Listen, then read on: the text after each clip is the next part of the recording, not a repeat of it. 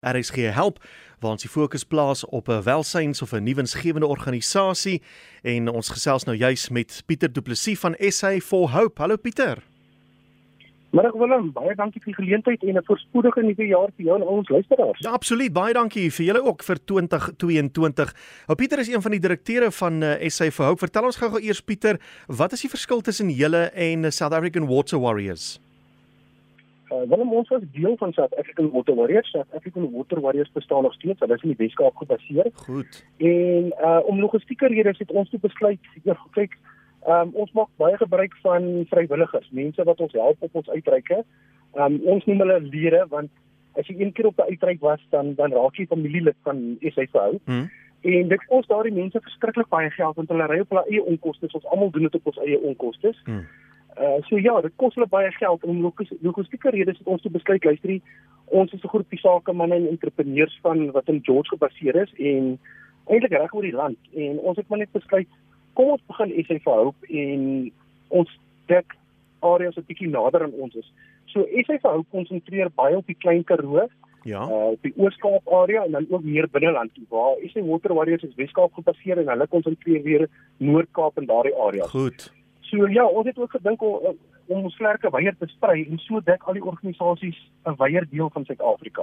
Vertel ons gou in 'n neutedop, wat doen julle?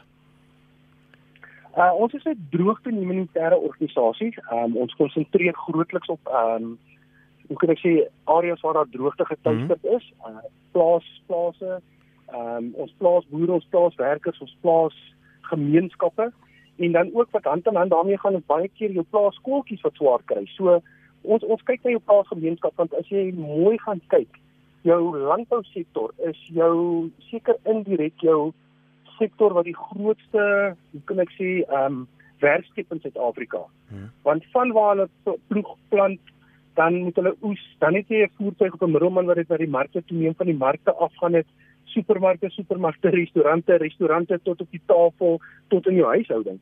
So as jy nou daai lyntjies gaan almal met mekaar verbind, dan besef 'n mens wat beteken ons landbousektor en dit is tog ons definitief. mense wat ons land voed. Ja. Nou sal ek mense hoor wat vra, dit het nou so gereën die hele land vol die afgelope ruk. Hmm. Uh hoekom moet ons nou vir julle blootstelling gee? Maar daar is nog heelwat droogte getuieerde gebiede in Suid-Afrika nie waar nie. Willem weet jy, um, ons kry baie daai vraag en en ja, dit klink ook baie lelik wat ek gaan sê, maar ons moet net een onthou, as dit reën, reën dit nie geld nie. Um ons sit met ons sit met boere wat tussen 8 en 12 jaar lank al deur droogte getuister is. Daai Ja. mense sit met elektriese rekeninge wat hulle krag afgesny is. Ons was nou juis so 'n paar maande terug was ons op 'n uitreik waar die tannie is oor die 80 en sy werk met 'n kragopwekker want haar krag is af. sy kon dit nie betaal het nie. Ja. Uh daar's riviere plekke wat boere met leibeerte kry om hulle lande na te lei. So vir 8 jaar loop hy riviere, maar hy moet nog steeds sy leibeert fooie Hmm. betaal. Wat vir my absoluut onsinnig is. Ek weet nie hoe um, kan daardie organisasies of wie die leibeerte uh daardie rekeninge uitstuur dit oor hulle hart kry om tog te doen want ek meen vir 8 jaar is aan die water die rivier nie, maar daai boer kry nog elke maand sy rekening. Ja. So Ja, hulle verkoop, ek meen as jy ja, ons kry boodskappe, mense verkoop implemente, hulle verkoop voertuie. Ons sit met mense as ons op 'n uitreik gaan, dan kan hy nie eers sy kos en sy goedjies wat ons bring van kom haal nie. Hy moet 'n buurman vra wat sy voertuig is verkoop. Ja, ai, dis hartverskeurende hierdie goeters. En dit is soos jy sê, alhoewel mens baie dankbaar is en dit verskriklik bly dat dit gereën net omdat dit vir kom ons sê 'n week lank op 'n gegeewe gebied nou lekker gereën het, dat dit nie al die boer se sorges weggewas nie. Ja, nee, dit is definitief nie want eh, kyk ons sê altyd as jy mooi kyk op 'n plaas, daar's van daardie plaaswerkers wat seker al drie geslagte, hy het saam met oupa op daai plaas gekom en Hmm. geboer. Hy het hy plaas opgebou saam met boere. Uh hy het saam met pa gekom, nou boer hy saam met seun. Uh so hy is hy is die plaas, hy's deel van die plaas en as dit swak gaan met die boere, gaan swak met sy mense. Mm. En as hulle nie daai mense kan, hoe kan ek sê, meer kan onderhou nie met daai mense ander heenkome vind. En ja, dit is soos ek sê, dit is net al al reën dit die veld self gaan ten minste 3 jaar vat Ja. om ten volle te herstel waar hy was met daai boer se luister ek kan my skape ek kan my beeste in daai veld instuur en ek hoef nie be bekommerd wees nie maar op die stadium kyk daai arme mense elke sent wat hulle het af om voer te koop om te voer met die hoop dit kom môre reën So identifiseer julle mense en help hulle dan of moet mense julle nader en sê asseblief kan julle vir my 'n watertank waar stuur of voer of wat ook al? Nee, wat wat gebeur is ons ons ons kry verskriklik baie ehm um, oproepe vir hulp en en boodskappe en so en dan die foto's wat daarmee gepaard gaan hoe die diere in die veld lê. En dan vra mense baie keer ja maar hoe kan die boere dit toelaat? Dan weet jy wat ehm um, ek wil nie ek wil nie 'n boer of of sy werkers se skoene wees wat elke oggend opstaan vir die wete lyk jy ek gaan nou nog 'n skaap of nog 'n bees of nog een van my vee gaan in die veld dood lê want ek meen daai diere is daai dit is daai boere en daai werkers se lewe as daai as daai diere opgee ehm um, of doodgaan is dit 'n stukkie van daai boere en daai werkers wat ook doodgaan op daai plaas. Ah. So ja, ons kry al daai noodoproepe en wat ons doen is ons ons het 'n groot groep soos ek sê ons ledegroep op ons WhatsApp groep is ons al oor die 80 lede wat ons help.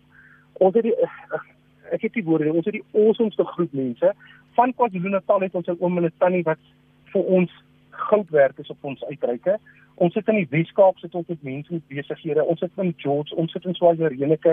So ons 80 mense wat op ons WhatsApp groep is wat hierdie organisasie dryf is. Soos ek sê, 80 mense. En ons kry die inligting en wat ons probeer doen is ons doen navorsing of ons kyk of daai area al hulp gekry het van tevore. Ehm um, en ons kyk ook of daar ander organisasies al in daai area was want ons wil graag gaan help of 'n impak maak uh daar waar niemand tog was nie. So ons gaan letterlik ons ons vat hierdie goed ons gaan doen navorsing en ons kyk waar daar nog nie hulp was nie. En ons gaan probeer soos ek sê ons kan nie vir die mense ons kan nie vir hulle die hele ding reg kry of alles vir hulle uitsorteer nie maar ons daai bietjie wat ons hulle kan vat ons wil hulle hoop gee ja. sê luister hier is Suid-Afrika gee om. En en dis waaroor ek vir ons gaan en dis waaroor ons naam ook gaan dat jy SA vir hoop en nie hoop vir SA nie want as jy kyk Suid-Afrika bring ook vir ons mense. En dis die wonderlikste ding. Ek sê altyd kyk ons ou landjie nee ons mense kan mekaar die hare invlieg op op sosiale media en goed en dinge maar kyk hierso dat daar iets gebeur in ons land daar is nie 'n land in die wêreld wat kan hmm. saam staan soos Suid-Afrika nie Hoe kan mens maak as jy uh, wil registreer as 'n vrywilliger of wil uitvind meer van julle werksaamhede en uh, julle dan te hulp wees? Hoe kan 'n mens te werk gaan? Hulle moet op Facebook bly. Ehm um, is uit voor hulp wat hulle kan net gaan inskakel. Hulle mm -hmm. kan alles volg, al ons inligting en goedjies kom maar deur of hulle kan my kontak. Ons plaaslik ons WhatsApp groep, al die inligting is daar. En ja, dit is soos ek sê, daar's geen ledevelde nie. Dit is jy raak betrokke en die oomblik as jy betrokke was en saam met ons groep beweeg het, soos ek sê, dan is jy nie meer 'n vrywilliger of iemand wat iets gedoen het of hom gehelp het nie. Dan is jy familielid, dan is jy hmm. 'n lid van SA4. Sjoe. Want ek sien hierso uh byvoorbeeld een statistiek om een vragmotor uh van voer of veevoer na 'n boer toe te neem, kan enigiets tussen 25 en 30000 rand wees. Dis ja, dit afhangende van waar die voer is. Kyk, ons kry baie keer kry ons voer ehm um, geskenk. Maar nou moet ons daardie voer skuif ja. van punt A na punt B afhangende van waar dit is veral met die hoë brandstofpryse ook nou. Uh is dit tog 'n duur episode. En en wat ons ook probeer doen is as ons uitreike doen en ons gaan na 'n dorpie toe, dan probeer ons by daai koöperasie geld spandeer want oh, ons probeer die dorpie se ekonomie ook bietjie te lig. Ja. So as ons lede almal uitry, ons was op ons nou vorige uitreik was ons so aretjie in Kalitsdorp die pad. So al ons vrywilligers, ons is oor die 60 voertuie wat daar kom. Ons ja. ondersteun die dorpie, ons gaan gou na die supermarkie toe. Hulle maak hulle voertuie daar vol. So ons probeer dit, dit wat ons spandeer, probeer ons ook in daai gemeenskap spandeer hmm. dat ons ook kyk na hulle ekonomie. So ja, om voer te skuif kos baie geld. Uh, dit is seker een jou logistiek is een van jou grootste nagmerries en kopseer as jy in die bedryf is maar ek moet sê ons is ons is sover is ons bitter bitter baie geseënd. Ons sit met so ek sê ons sit met 'n boer in Swaziland, ons sit met 'n die die oom in die tannie ja. in KwaZulu-Natal. Ek wil nie name noem nie, maar soos ek sê, daardie mense se harte is oop. Hulle stuur vir ons 30 ton mielies dan dek hulle die vervoer vir ons en alles. Maar jy gaan op 'n punt kom wat jy kan nie altyd net bakkan staan en wag vir die mense nie. Mm. Ehm mm. uh, jy moet jou deel bring want onthou net die mense gaan ook een of ander tyd op 'n krisis kom en hulp nodig hê en dan moet jy weer omdraai vir hulle help. En ek dink dit is wat die siklus so wonderlik maak want ja. vandag help jy die boere hier, môre bel hy selfe boer jou en ons het dit gehad in Lady Stop. Iemand ons gebel het en gesê luister, jy het ons gehelp. Ding het bietjie gedraai by ons, ons wil weer terugvloeg vir die gemeenskap. Man, dit is fantasties. Dit is wonderlik, ja. Nou Pieter, dit was baie lekker om met jou te gesels. Jy doen wonderlike werk. Ek dink dit is 'n fantastiese inisiatief. En mense moet definitief betrokke raak. Jy is daar op die Facebook bladsy en jou jou selfoonnommer is 31 waarop ek jou nou gebel het. Kan ons hom gee oor die lug? Ja, enige tyd meer as welkom. Goed, ons maak so. Pieter, baie dankie en uh, voorspoed vir julle.